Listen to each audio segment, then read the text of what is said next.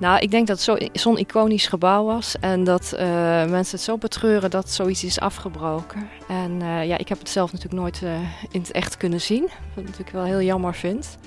Maar als ik het zo zie, de foto's en het meubilair en de bibliotheekkast, dan denk ik, ja, het moet een heel mooi geheel zijn geweest. ik ben gespecialiseerd zeg maar, in moderne hedendaagse kunst. En uh, toen ik hier begon, uh, had ik ook nog in het begin uh, niet helemaal door zeg maar, wat een rijke historische geschiedenis dit bedrijf heeft. En hoeveel mooie kunsthistorische dingen daar dus in zitten.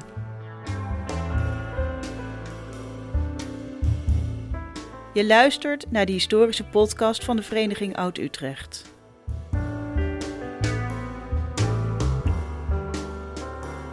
Arjan den Boer spreekt met Utrechtse historici over de geschiedenis van de stad en hun fascinatie daarvoor.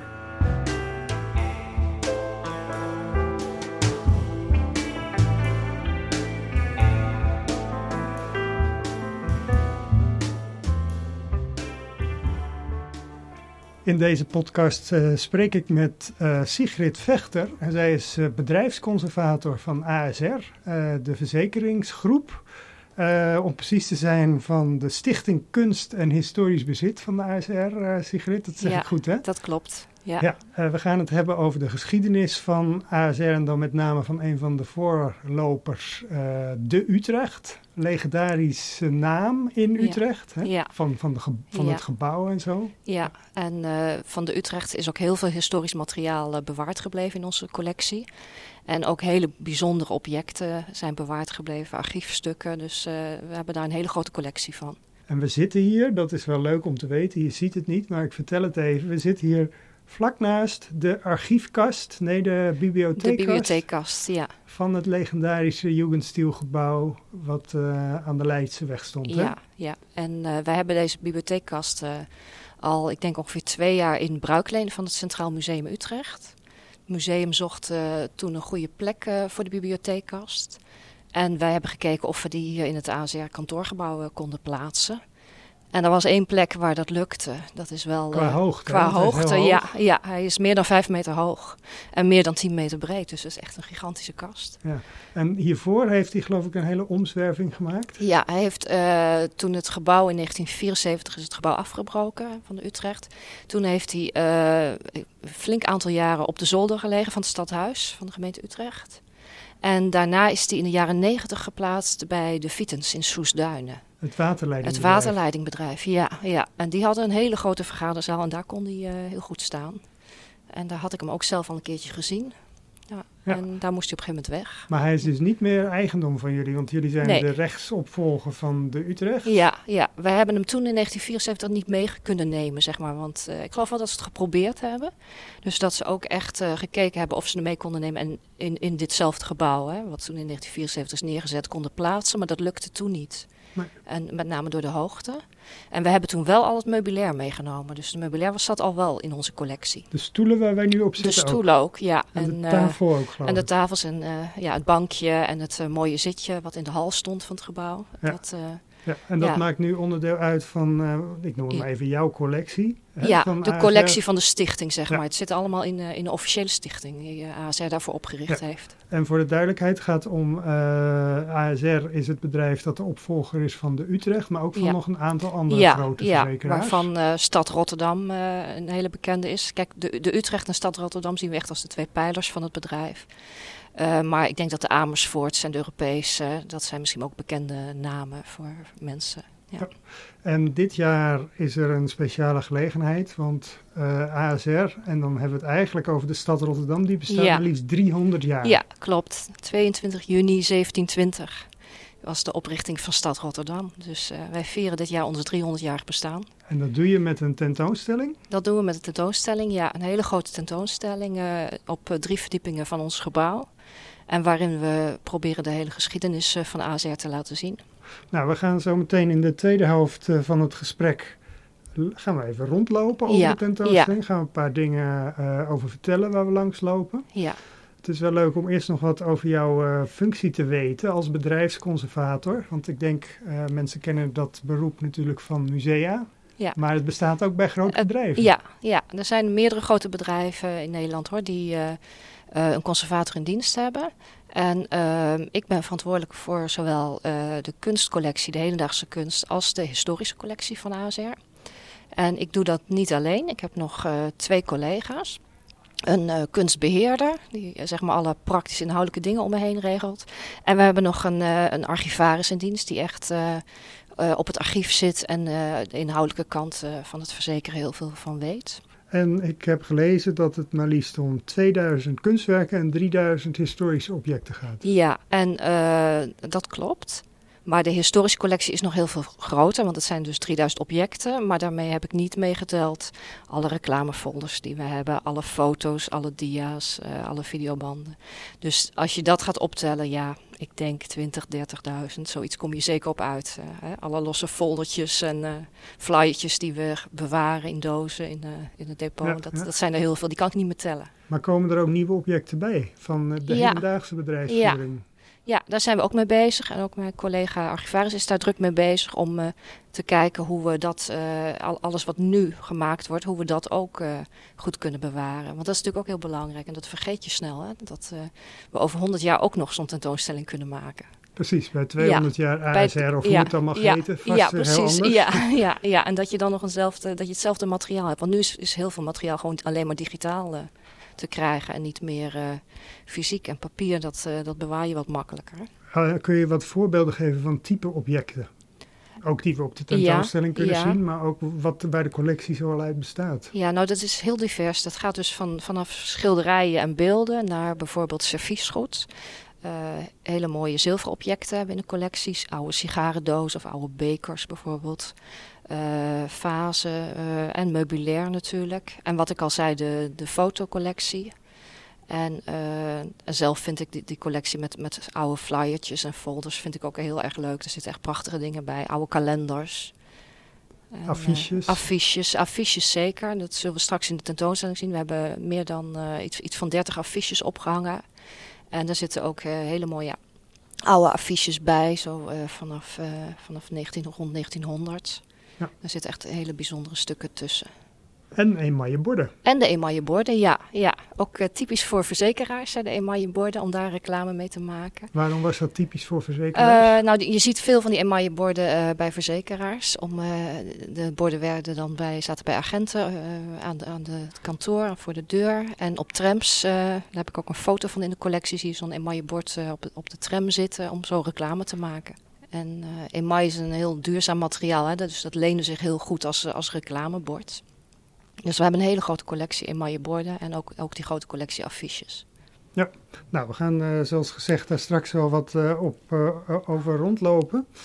We gaan het eh, eerst nog eens even hebben over het, de gebouwen van de Utrecht. Ja, Het aardige is, en dat is mede ook de aanleiding voor dit gesprek, dat jij een artikel hebt geschreven Mhm. over eh, de gebouwen van de Utrecht in en buiten Utrecht. Ja, en dan ja. als reclamemiddel. En dat artikel dat zal verschijnen in ons tijdschrift Oud Utrecht van oktober. Dus dat valt rond 1 oktober bij de leden in de bus en ligt in de, in de boekwinkels. En daar staan ook, eh, komen ook mooie foto's bij en zo. Maar eh, het is wel leuk om vast daar iets over te zeggen. Want je noemde al affiches, emailleborden, maar ook de gebouwen dienden dus als reclamemiddel. Ja, klopt. Ehm, de, het was ook allemaal rond ne- 1900 eh, dat de maatschappij eh, daarmee eh, begon. Gebouwen was natuurlijk een, een beleggingsmiddel, maar ook, diende ook als, als reclamemiddel. Er waren natuurlijk ook andere verzekeringsmaatschappijen die dat ook deden. Jij, En- jij noemt in het artikel ook bijvoorbeeld die PA-tas. Die kennen Ja. mensen misschien wel niet, misschien kennen Ja. ze de naam niet, maar dat staat bij het Janskerkhof. hè? Ja, ja heel, met, heel prachtig drift, gebouw. Ja. op de drift, ja. Ja, en Pietas is een eh, verzekeringsmaatschappij die later door de Utrecht ook is overgenomen. En eh, je ziet dat heel veel van dit soort gebouwen door, eh, door hele bijzondere en goede architecten gebouwd zijn. En, Berlage uh, onder andere. onder andere, ja, ja. En natuurlijk Jan Verhul die het, het Jugendstilgebouw van de Utrecht heeft gebouwd. Ja, waar en, deze kast ook Waar uitkomt. de kast uitkomt. Ja, en de kast is ook ontworpen door Jan Verhul en het meubilair ook.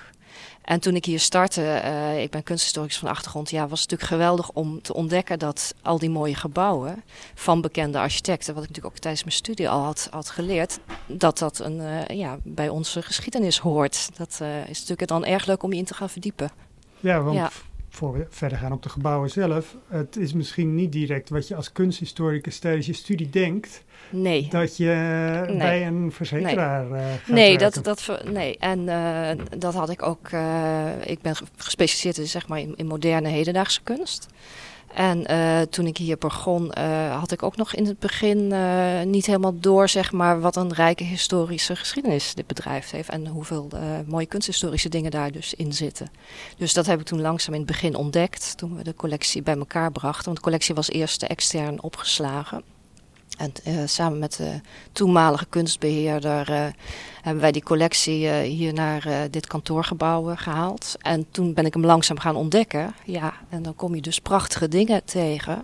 Waaronder, ja, waar ik heel erg van onder de indruk was, waren de, de gipsen ontwerpen van Mendes da Costa.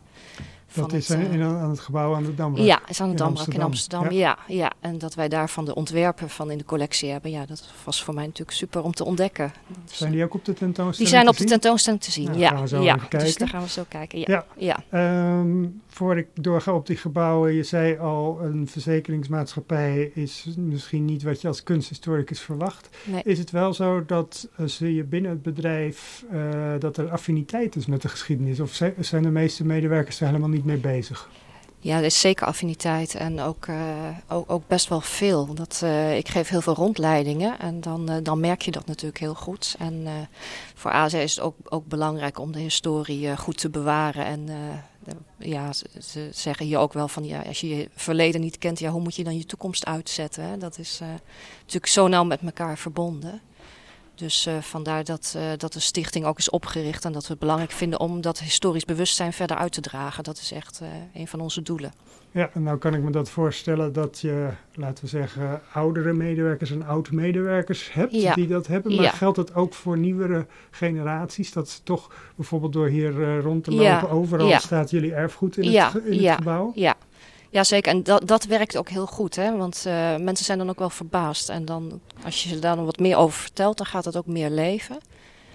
En ik heb van tevoren ook wel uh, gehoord over uh, het, het, maken van een historische tentoonstelling. Van, goh, is dat wel leuk? Wordt dat wel, wel interessant? En dan krijg je later ja, de reacties terug van, goh, wat ziet het er mooi uit en wat leuk. En ja, ik denk dat het vooral belangrijk is om, om er meer over te vertellen. Ja. Dan, dan gaat dat veel meer leven. Dus het is ja. ook van belang voor het bedrijf zelf om, ja, misschien voor de motivatie, voor de medewerkers. Uh... Ja, zeker. En, en daarvoor hebben we ook een kunstcollectie natuurlijk. Hè? Ook om mensen te inspireren met een kunstcollectie. Maar dat kan je met historie uh, ook zeker doen. En die kunstcollectie ja. die groeit ook nog met Die groeit ook, kunst? ja, ja. We kopen jaarlijks een paar kunstwerken aan om de collectie ook echt actueel te houden. Ja. Kies jij die?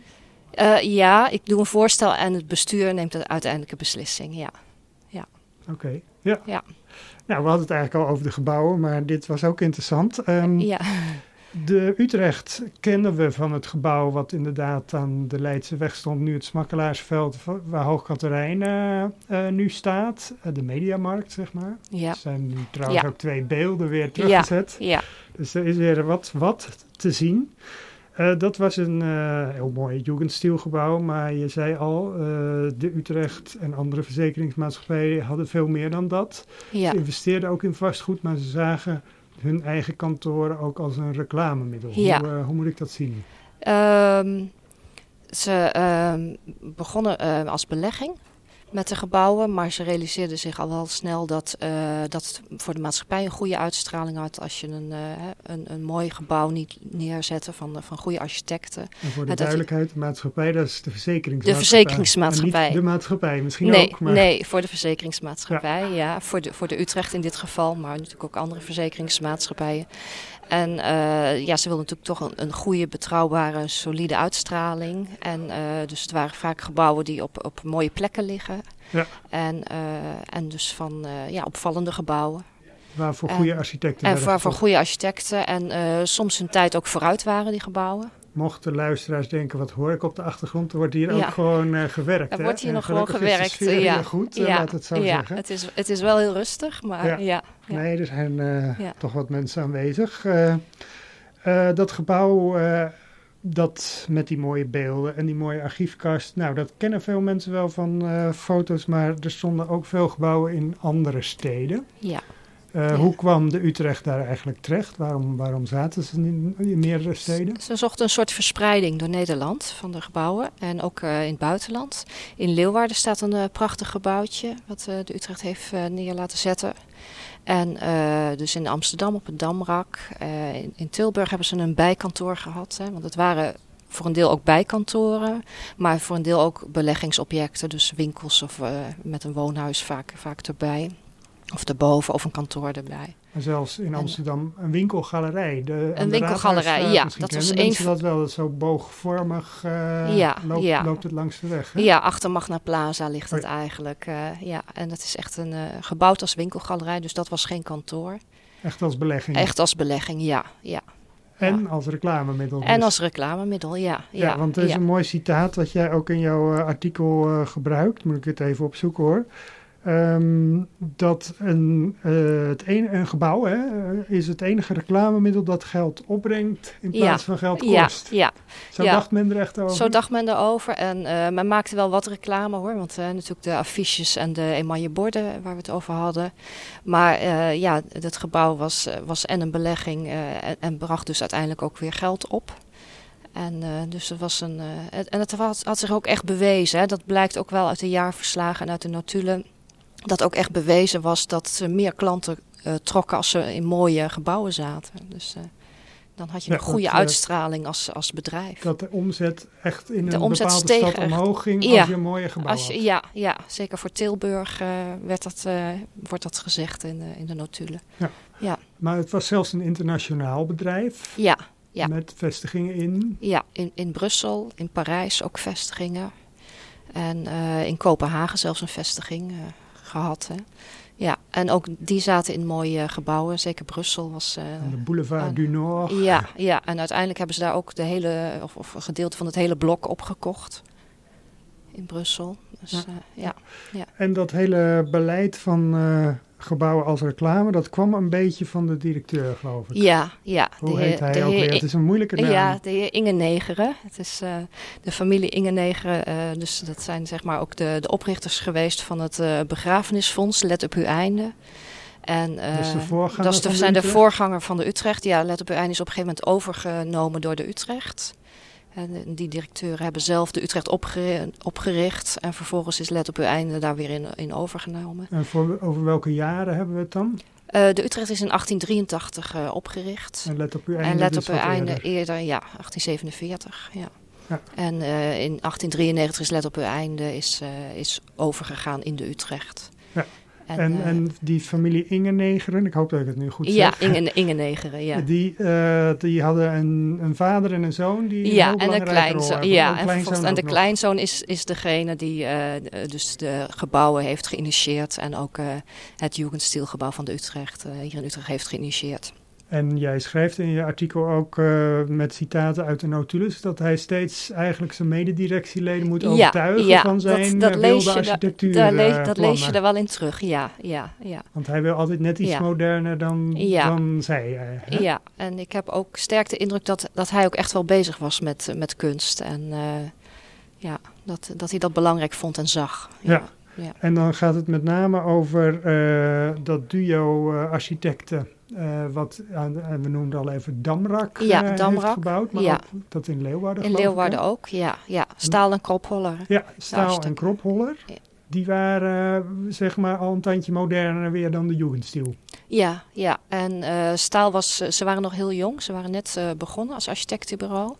Als ik in de notulen nalees, dan is het toch de contacten vooral met Staal, met architect Staal geweest. En eh, ja, de Utrecht eh, en dan vooral de directeur Ingenegen, die, eh, die gunde dus de opdrachten aan Staal. En dat gebouwtje in Leeuwarden is, is dus de eerste opdracht geweest van de Utrecht aan Staal. Ja, en zij waren, Staal en, en, En Ja. eh, waren leerlingen van Berlage. En dat zie je ook Ja. wel terug, zeker in de Ja. eerste gebouwen. Ja, zeker in het gebouw in, in Leeuwarden zie je dat terug aan de vorm heel duidelijk. Ja. Ja. En, en wat, wat ik zelf eh, heel bijzonder vind, is de verzekeringssymboliek wat in het gebouw eh, terug te zien is. Aan de hand van Ja, beelden. Aan de hand van beelden, ja. ja. En eh, binnen ook in het glas en lood. ja. Dus dat, Bijvoorbeeld een pelikaan, zag De ik op het pelikaan, dak. ja, Je zou ja. zeggen, wat heeft het met verzekeringen ja, te maken? Ja, ja, de pelikaan die in zijn, zijn borst pri- prikt om met zijn eigen bloed zijn jongere, jongen te, te voeden. En dat is het symbool voor een verzekeringsbedrijf, hè, wat zorgt eh, voor de verzekerde. Ja, dus ouderzorg wordt eigenlijk vertaald in verzekeringszorg. Ja, ja. En het beeld, dat beeld is van men, ook weer van Jozef Mendes da Costa. Dat is ook weer eh, die samenwerking tussen Staal en Kropholler met, met Mendes da Costa. Ja. En Ja. wat voor ons ook dan wel even belangrijk is, voor luisteraars misschien denken, eh, we dwalen af naar Leeuwarden, maar er staat Ja. heel groot Utrecht. Er staat heel groot Utrecht op het gebouw, ja. En dat ja. geldt voor al die gebouwen. En dat, ja, voor het merendeel van de gebouwen staat, staat Utrecht op. Dus dat is wel heel leuk om te, om te zien dan als je gaat kijken. Ja, ja. eh, eh, zou je kunnen zeggen dat het zelfs bij heeft gedragen aan de promotie van de naamsbekendheid van Ja, Utrecht, zeker. misschien zeker in ja, het buitenland? Zeker, ja, ja. Zeker bij, ja, ja. Ik kan me voorstellen En, dat eh, niet alle Brusselenars eh, Utrecht op hun netvlies hadden. Nee, En nee. En, dat en dat, en zo kwamen ze dat tegen. En eh, ja, het was echt naamsbekendheid voor de maatschappij. Ja. Ja, maar Ja. ook dus. Maar misschien ook voor de stad. Ja, Ja. dat vermoeden heb ik wel. Ja, ja. ja. Aan het eh. Damrak in Amsterdam, dat noemen we wel even, dat is ook een gebouw van staal. Ja, ook van Staal en Kropholler, ja. Eh, dat, dat ziet er een klein beetje uit als een wolkenkrabber uit die tijd. Al Ja. is het helemaal niet Ja. zo hoog. Ja, ja. Het heeft wel die, die sfeer, eh, doordat het, door die enorme verticale geleding die in het gebouw zit. Eh, Staal heeft een reis gemaakt naar Amerika en die invloeden, eh, denken ze toch dat dat in het, in het gebouw verwerkt is. En het beeldhouwwerk aan het gebouw van Mendes da Costa is natuurlijk heel opvallend. Ja, om daar even een beeld van Ja. te geven aan de, aan de luisteraar. Ik vind ze lijken op die beelden die we in Utrecht in de hal van het postkantoor hebben. Dat is ook een beetje uit die Ja. tijd natuurlijk. Hè? ja. Iets, Ja. iets later trouwens, Ja. maar eh, Ja. van die statige beelden met veel symboliek, maar wel erg geabstraheerd. Ja, Niet, ja. niet, niet met Het is, het is heel eh, gestileerd, hè? Een beetje, dat is wel echt de stijl van Mendes da Costa, dat gestileerde. En eh, ze staan, zijn dus ook weer symbolen voor het verzekeringswezen, wat je terugziet in de beelden. En het mooie is, de gebouwen waar we het nu over hebben, die zijn er gewoon nog. Ja, die kun je gewoon nog zien, ja. ja. Dus Ja. eh, op naar Leeuwarden of Ja. naar Amsterdam is Ja. misschien eh, realistischer. Ja, ja. Amsterdam ja, natuurlijk tegenover de beurs van Berlage. En, ja. Ja, Dus was dat ook nog symbolisch, omdat Berlage natuurlijk een leermeester was, dat ze Ja, daar eh, dat, tegenop, dat, eh, dat was het wel. boden? Ja, daar, ze wilden daar wel een soort concurrentie eh, mee aangaan. Hè? Dus net zo'n zo'n fraai gebouw neerzetten. En er is heel veel geld besteed aan het beeldhouwwerk van Mendes da Costa. Maar liefst 15% van de bouwsom, wat natuurlijk echt gigantisch is. Dat was ook wel voor het beeldhouwwerk wat binnen in het gebouw zit. Want het hele trappenhuis en de hal zit ook vol beeldhouwwerk. En eh, als je daar een indruk van wil krijgen, we hebben daar een filmpje van laten maken. En dat filmpje is in de tentoonstelling eh, te zien. Wat zit er nu eigenlijk in dat gebouw? Het gebouw is nog eigendom van, eh van ASR, Oh ja? ja, van ons vastgoed. En zit in een fonds. En zetten boven appartementen in. Dus je kan er een appartement Beneden huren. Een Beneden. Geloof ik. Ja, ja, ik geloof inmiddels een andere winkel, maar Oh ja, ik zag het weet het, ik weet het niet zeker. Ja. Nee, nee. En dan hebben we het nog niet eens gehad over het gebouwtje van staal, of twee gebouwen eigenlijk, van staal en Kropholler Holler in Utrecht In zelf. Utrecht, ja. In Utrecht zijn, eh, ja. En daar is er nog eentje van te zien. En de andere is eh, het archiefgebouw, wat eh, dus helaas ook is afgebroken in 1974. Dat stond naast En dat het stond naast het Jugendstil. Ja, ja, en dat weten misschien veel mensen niet. Dat dat de gebouw daarnaast stond. Het was heel erg gesloten, Het was een heel gesloten gebouw, gesloten gevel. En dat was ook omdat het brandveilig moest zijn. En beneden was ook een winkel en met een eh, winkelpui met het beeld, ook weer een beeldhouwwerk van Jozef Mendes da Costa. Een, eh een kariatide, een vrouwenfiguur wat eh, een, een, een balk draagt. En dat beeld is nog steeds te zien in Tivoli Vredenburg binnen. Kun je het beeld bekijken. Oh ja, je moet het wel een beetje Ja. weten te vinden. hè? Ja, ja, je moet ook echt naar in binnen, het, richting de zaal moet je. Ja, Ja, ja. ja. Ja. In, de, in de foyer Ja. rond de zaal. eh, Ja. De, de grote oude, inmiddels oude grote zaal. Ja. Ja. Maar het andere gebouw is minstens zo bijzonder, het gebouwtje. Ja. Dat staat er nog wel, hè? Ja, dat staat er nog. Ja. En eh, dat is ook echt puur als, als beleggingsobject eh, gebouwd. Maar we moeten even vertellen waar. In de Goorstraat in, in Utrecht. Ja, en, Ongeveer waar de Steenstraat op de Goorstraat uitkomt. Iets om de hoek, geloof ik. Ja, het is het winkelgebied. Hè. en Je, je ziet het wel snel over het hoofd dan, als je daar eh, loopt. Dus je Ja, moet even bewust, kijken. bewust naar kijken. Ja. Maar wat is er zo bijzonder aan Ja, dat pand? eh, wat bijzonder is, is de, is de Moorse stijl die eh, Staal en Kop hebben toegepast. Met de, met de bogen en de kantelen. En dat, ja, dat verwacht je niet zo. eh, niet. En dat was ook eigenlijk maar een eenmalige uitstapje van, eh, van deze ja, architecten. echt een Ja. Oriëntaals Echt een eh, Oriëntaalse sfeer. Ja, ja. En het is geloof ik een beetje roze roze graniet. graniet, ja. Roze graniet is de gevel in opgetrokken. Maar het is in ieder geval een leuke tip om daar ook eens te gaan kijken. Want het is een bijzonder gebouw. Ja, maar dat is eigenlijk ja. nog een overblijfsel van eh, de Utrecht Ja, eh, in ja. Utrecht. Ja. En eh, wat ik ook nog fascinerend vind, voordat we zo eens even gaan rondkijken, is dat er ook een landgoed, de Utrecht, was. Ja. Of misschien zelfs Ja, dat landgoed is er nog. En dat is ook eh, nog steeds eigendom eh, van ASR. En waar is het? En dat is, ligt eh, in Esbeek. Dat is bij Tilburg, Hulvarenbeek in de buurt. En wat is het verhaal daarachter? En dat is ook als beleggingsobject is dat geïnitieerd. Weer door directeur Ingenegeren. Eh, ze zijn begonnen rond 1899. Het landgoed gekocht, de grond ontgonnen. Boeren zijn daar aan het werk gegaan. En eh, daar zijn ook verschillende gebouwen op neergezet. Je ziet daar nog boerderijen staan met de naam Utrecht erop. Dus dat is ook erg leuk om te zien. Ja, dat is bijzonder. En ehm, de- de, grond wordt er nu verpacht en, eh, en boeren zijn daar ook nog steeds aan het werk. En je kan daar ook heel mooi recreëren. En er staat een, nog een brandtoren. En dat, eh, die is ook ontworpen door Staal en Kop, Kopholler. En daar, vanuit die toren kon je natuurlijk het landgoed in de gaten houden. Of er ergens een Of er brand was. Ja, ja, ja. En dat is ook een prachtig gebouw. En ook dat landgoed, als ik het goed heb begrepen, had toch ook weer promotionele waarde voor de Utrecht. Ja, zeker. Want het werd heel veel bezocht. Eh, mensen eh, gingen daar naartoe op excursie. En zo werd die naam de Utrecht werd ook weer verder verspreid. En- Dus Waarom gingen ze daar dan kijken? Wat was er zo bijzonder aan? eh, het is een bijzonder natuurgebied. En eh, het is sowieso nu ook heel erg leuk om daar te gaan wandelen. En eh, er- ligt nog een, een restaurant, Rustoord. Waar vroeger ook medewerkers van de Utrecht vakantie konden vieren. Dat is helaas niet meer zo. Maar dat was vroeger wel. En dat is ook een prachtige plek. Nou, zullen we eens gaan rondkijken Ja, op de tentoonstelling? ja, dat is goed. Eh, wa- Gaan we waar, gaan, waar gaan we beginnen? Bene- beneden we beginnen bij het begin, denk ik. Gewoon eh, in, de eh, hal. in de hal. Ja. Ja, Nou. en dan volgen we de route van de tentoonstelling. We staan inmiddels aan het eh, begin van de tentoonstelling hè, in de Ja. grote hal van eh, het ASR-gebouw. Ja, Ehm, dan moet het eh, over de periode 200 jaar geleden gaan, denk ik ja hier. 300 jaar geleden zelfs. 300, sorry. 300 Ja. jaar, ja. ja. Ja. En we zijn zelfs een stukje daarvoor nog gestart. Met, met eh, wat meer informatie over Johan de Wit. Want Johan de Wit wordt namelijk eh, gezien als de eerste actuaris. En dat was namelijk de eerste die zich met eh, verzekeringswiskunde bezighield. Verzekeringswiskunde. Verzekeringswiskunde, de berekening van de lijfrente.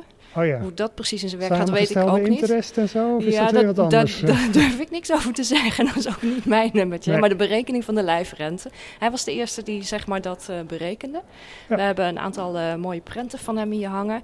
En wat heel bijzonder is, dat we zijn boek hebben liggen. De Waardijen van Lijfrente. Origineel is dat. Een origineel boek uit 1671, eh, geschreven door Johan de Wit. En daar staan dus al die berekeningen in. Dus eigenlijk de- echt het begin van het verzekeringswezen. Ja, klopt. En eh, dit eh, boek komt dus ook uit de collectie van de Utrecht. En de Utrecht had die fraaie bibliotheek die ze verzamelde op het gebied van levensverzekeringen. En daar komt dit boek uit. En we hebben hier ook de eerste oprichtingsstukken liggen van Stad Rotterdam. Die ligt eh, hier in de vitrine. En daar kun je lezen dat als je wilde intekenen op Stad Rotterdam, dan moest je op eh, 21 juni moest je een eh, intekeningsbriefje doen in een verzegelde blikken bus. En dan kon je dus inschrijven op aandelen Stad Ja, Rotterdam. En daar zie ik inderdaad daar- het jaartal Ja, 1720. daar staat dat het, is eh, precies het jaartal. eh, 300 Ja, jaar ja. geleden. Ja. En de namen van alle mensen die eh, toen aandelen Stad Rotterdam kochten. Ja. ja. Dus dit is bewaard gebleven in ons historisch archief. We zijn op weg, uh, Sigrid, naar uh, Ja. het gedeelte over uh, let op uw Ja, einde. ja, En dat was die Utrechtse dat is een Utrechtse maatschappij. Ja, een begrafenisfonds, let op uw einde. Waar de Utrecht eigenlijk uit is ontstaan. Daar is de Utrecht uit ontstaan, ja. En eh, de portretten van de twee oprichters van Let op uw einde zijn hier te zien. Meneer Stolwerk en meneer Ingenegeren. ja. Voor het gemak zeg ik dan maar Ingenegeren senior. Ja. En eh, we hebben hier een prachtig boek liggen, groen fluweel met zilverbeslag. En daarin zitten alle fotoportretten van eh, directeuren, maar ook medewerkers van Let op einde uit de periode 1847-1872. En daarnaast hebben we verderop in de vitrine nog eh, attributen liggen die een begrafenisbode bij zich droeg. De begrafenisbode regelde de begrafenis en eh inde ook de premie bij de mensen en probeerde nieuwe klanten te werven. Dus die eh, verzekeringsmaatschappij die deed ook zelf de begrafenissen. Ja, die regelde de begrafenis ook, eh, zelf. begrafenisondernemer. Ja, klopt. Ja, ja. Ik zie daar staan goede Mie. Dat heb ik in het magazine gelezen. ja. Dat, die was helemaal niet zo goed. Die hè? was helemaal niet. Dat was een begrafenisbode die eh, probeerde te verdienen aan eh, de begrafenissen en eh, de mensen, de familieleden vergiftigde. ja, gelukkig, zo het verzekeringsgeld gelukkig speelde zich het in Leiden af en niet Ja, in Utrecht. nee, maar nee. Die, die was gewoon een seriemoordenaar. Ja, dat was een seriemoordenaar. En een van de rechtsvoorgangers van de de maatschappij Pietas, hè, waar we het eerder over hadden, die heeft zij dus ook opgelicht. Dus, Niet opgericht, maar opgelicht. opgelicht, ja. ja. Hier hangt eh, een Franstalig heel groot en mooi affiche van de Utrecht. Ja, het is een affiche eh Franstalig vanwege België. Hè. Dat komt uit, eh, van de vestiging in België van, eh, van de Utrecht. Ja, dus die hing daar, het staat er ook onder aan de ja, boulevard dat hij Franstalig is. En we hebben hier een, een thema gemaakt in de tentoonstelling over verzekeringssymboliek. En je ziet heel veel engelen terug. Een Ja. engel die eh, bescherming biedt. Hier, hier aan, zien we eh, dus een engel zweven boven de stad Utrecht. Ja, Hè? Dus ja. ook hier ging het verder dan alleen de naam. Ze lieten ook de stad Utrecht zien met de Domtoren en de kerk eh, aan, aan de. Oude Gracht en het Vredenburg zie ik. Dus zo eh, kon men zelfs in Brussel eh, nog iets van Utrecht nog van zien. Utrecht meekrijgen. Ja, en ze heeft een fakkel in haar hand. Een symbool van het leven en van de waakzaamheid. Dus, ja, want, eh, want ja. waarom eh, die engelen als verzekeringssymboliek? Vaak als, als symbool van bescherming. Dus een engel die eh, een moeder, eh, vaak een weduwe wordt dan bedoeld, en met kind een bescherming biedt. Ja. ja.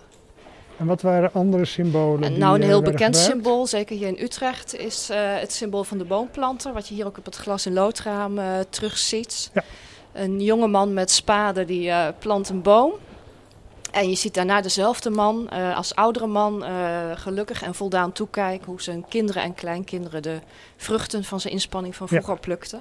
Dus uit letterlijk en figuurlijk de vruchten eh, plukken. Ja, uit voorzorg plant je een boom waar je later de vruchten van plukt. Ja, dit is een fantastisch eh, glas- in loodraam uit 1883 staat erboven. Nee, 1883 is de oprichting Ah, van de. Utrecht. Ja, Ja. ja. en het raam is ongeveer uit 1936. eh. Juist, het ziet er Ja. ook wel wat moderner uit inderdaad. Ja, ja. Waar komt dit raam Het vandaan? komt uit Brussel, uit de vestiging van, van Utrecht in Brussel.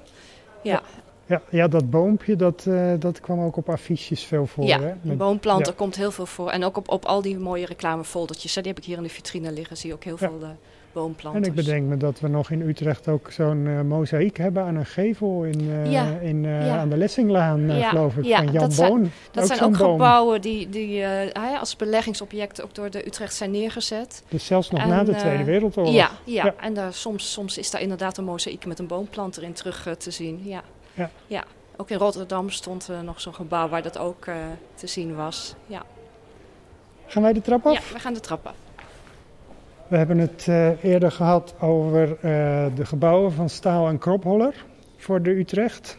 En eh, dat gebouw aan het Damrak, wat een beetje op een Amerikaanse wolk- wolkenkrabber uit die tijd lijkt. We hebben het over eh, ja, begin eh, vorige eeuw. Hè?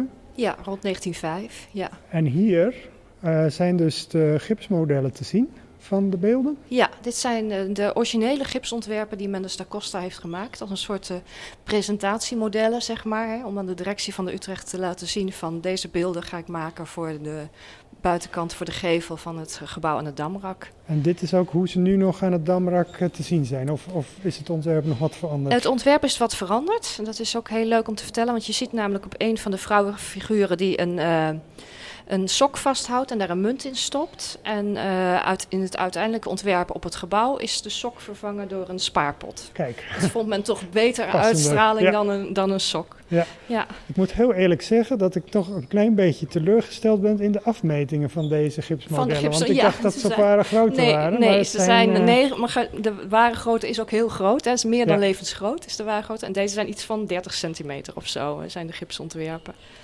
Ik zie daar onder de trap trouwens, niet om het daar uitgebreid over te hebben, maar Ja. eh, een van jullie moderne Ja, kunstobjecten. ja, en dat is toevallig ook een gipsontwerp. Dat is eh, een beeld van Tony Craig. En dat is het vooraan in de hal staat het bronzen beeld van Tony Craig. En dit is het ontwerp daarvan. Oh, dus dat dus, combineert je, wel, dus eh, dat wel combineert wel. Ja, Ja. Met, nou, met eh, ja. gipsontwerpen Met het, van ja, Dennis de Costa. ja, maar het is dus een van onze werken uit de kunstcollectie. En er Ja. zijn er nog een paar te zien. eh.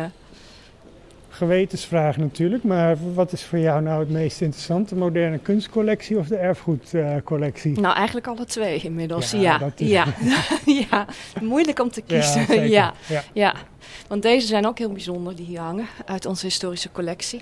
Dat, Dat zijn weer. twee eh, eh, schilderijen. ja, het zijn twee schilderijen en dat zijn weer de gebroeders eh, De Wit, Johan De Wit en zijn broer Cornelis De Wit. Hè. Cornelis De Wit was de zeeheld. Ja.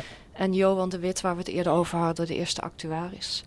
En Ja. dit zijn twee 17e-eeuwse schilderijen die, En die zijn de collectie via Stad Rotterdam dan? Nee, in- die zijn via de Utrecht. De. Utrecht heeft deze schilderijen aangekocht in 1954. En eh, ja, ik denk dat de Utrecht toen ook, ook al heel erg bezig was, wat ik eerder zei, ook met, eh, met, met kunst en geschiedenis. En eh, dat ze toen die schilderijen hebben aangekocht. Dus en, deze eh, schilderijen hebben ook in het kantoorgebouw hebben in het Utrecht kantoor gehangen. gehangen? Ja, die hebben daar gehangen. In, in de kamer waar ook de bibliotheek eh, Ja, Want zat. in ja. 1974 is eh, men hier naartoe verhuisd. Ja, naar zijn we hier het toenmalige AMEF eh, ja, dat, toen het, noemden we het AMF-huis. Ja. Ja, ja, ja.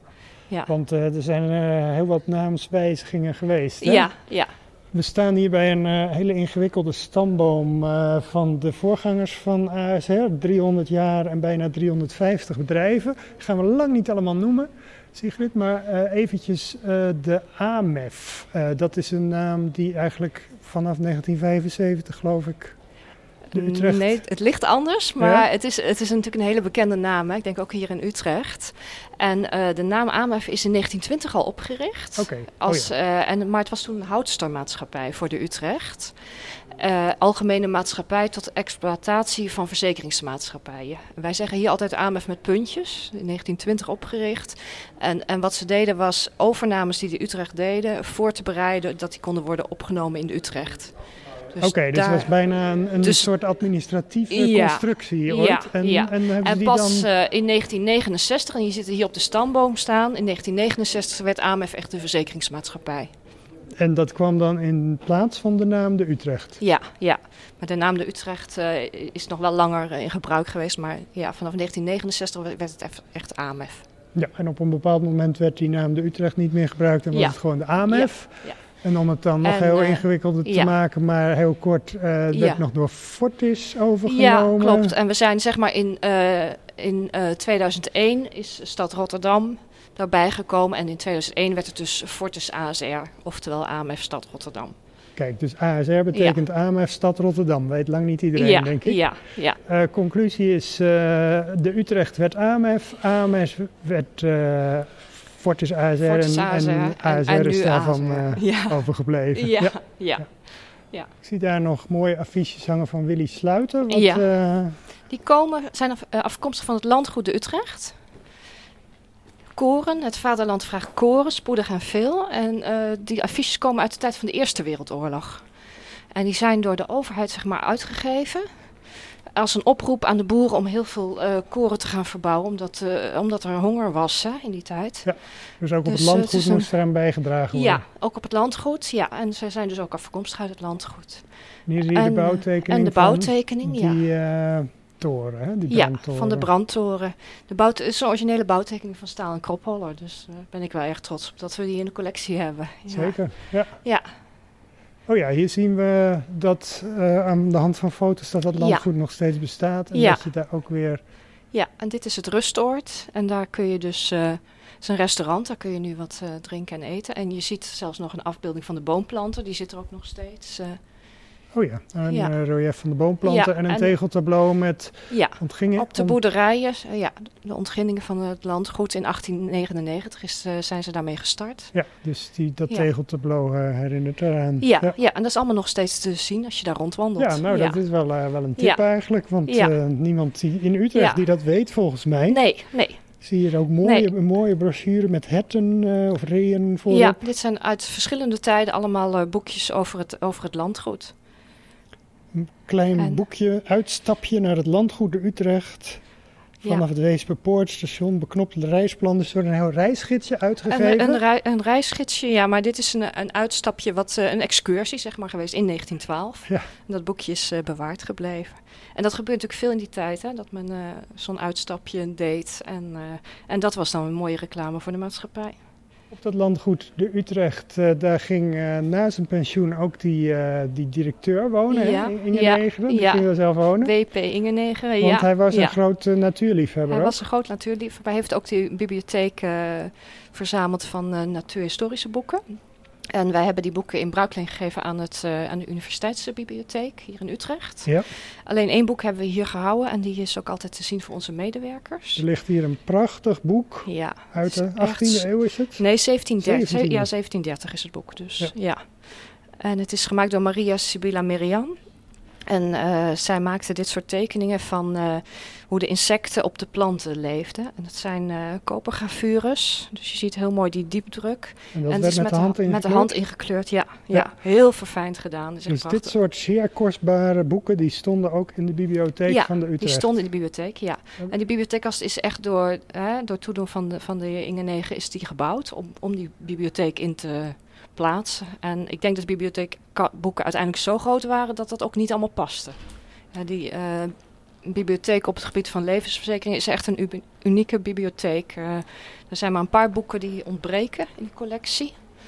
En eh, ik geloof dat het de op één na grootste ter wereld is op het gebied van levensverzekering. Ja. Dus dat heeft de Utrecht echt super gedaan. Ja.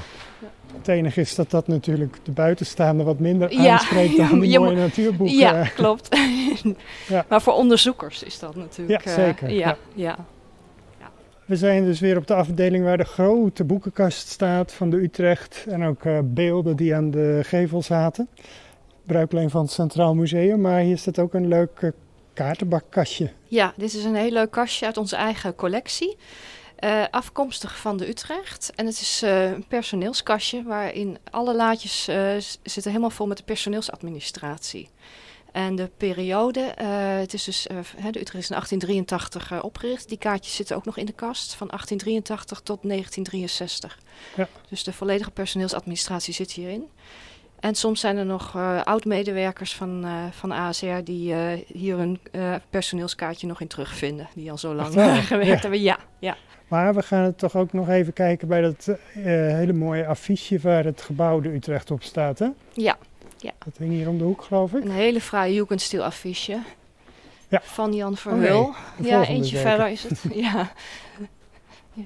Het gebouw ontworpen door Jan Verhul met de affiche ook van Jan Verhul. Ja, dit is het bekende Eh, beeld van ja. het gebouw de Utrecht, maar dan Ja. heel verfijnd Ja, ja, weergegeven. ja, en met de mooie bloemen, hè? echt in de stijl van de Jugendstil. eh. en heel mooi dat, dat deze affiche bewaard is gebleven. Hè? Dat ze deze, want eh, ik heb hem verder niet, niet nergens meer gezien, want wij houden natuurlijk de afficheveilingen wel in de gaten. En deze ben ik nog nooit tegengekomen. En behoorlijk gedetailleerd is het gebouw weergegeven op de affiche.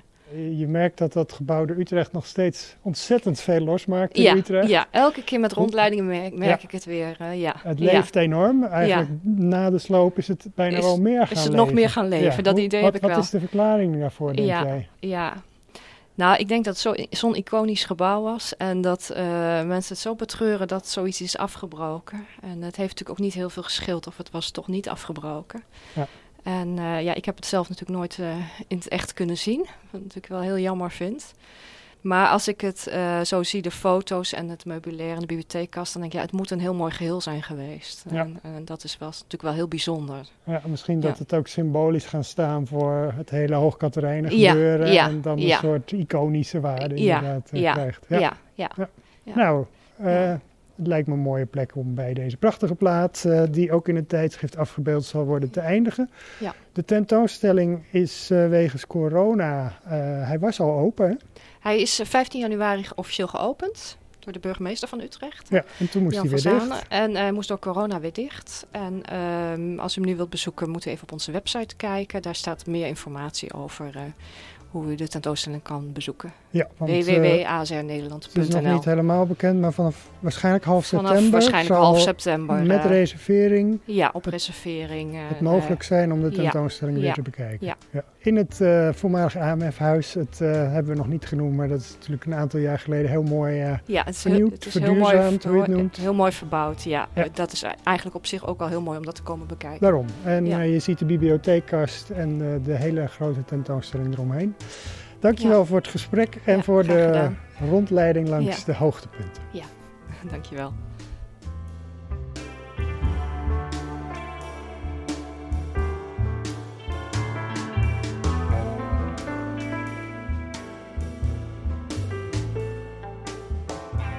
Je hebt geluisterd naar de historische podcast van de Vereniging Oud-Utrecht. Samenstelling Arjan den Boer. Wil je deze podcast blijven volgen? Abonneer je dan via de gebruikelijke platforms of via www.oud-utrecht.nl.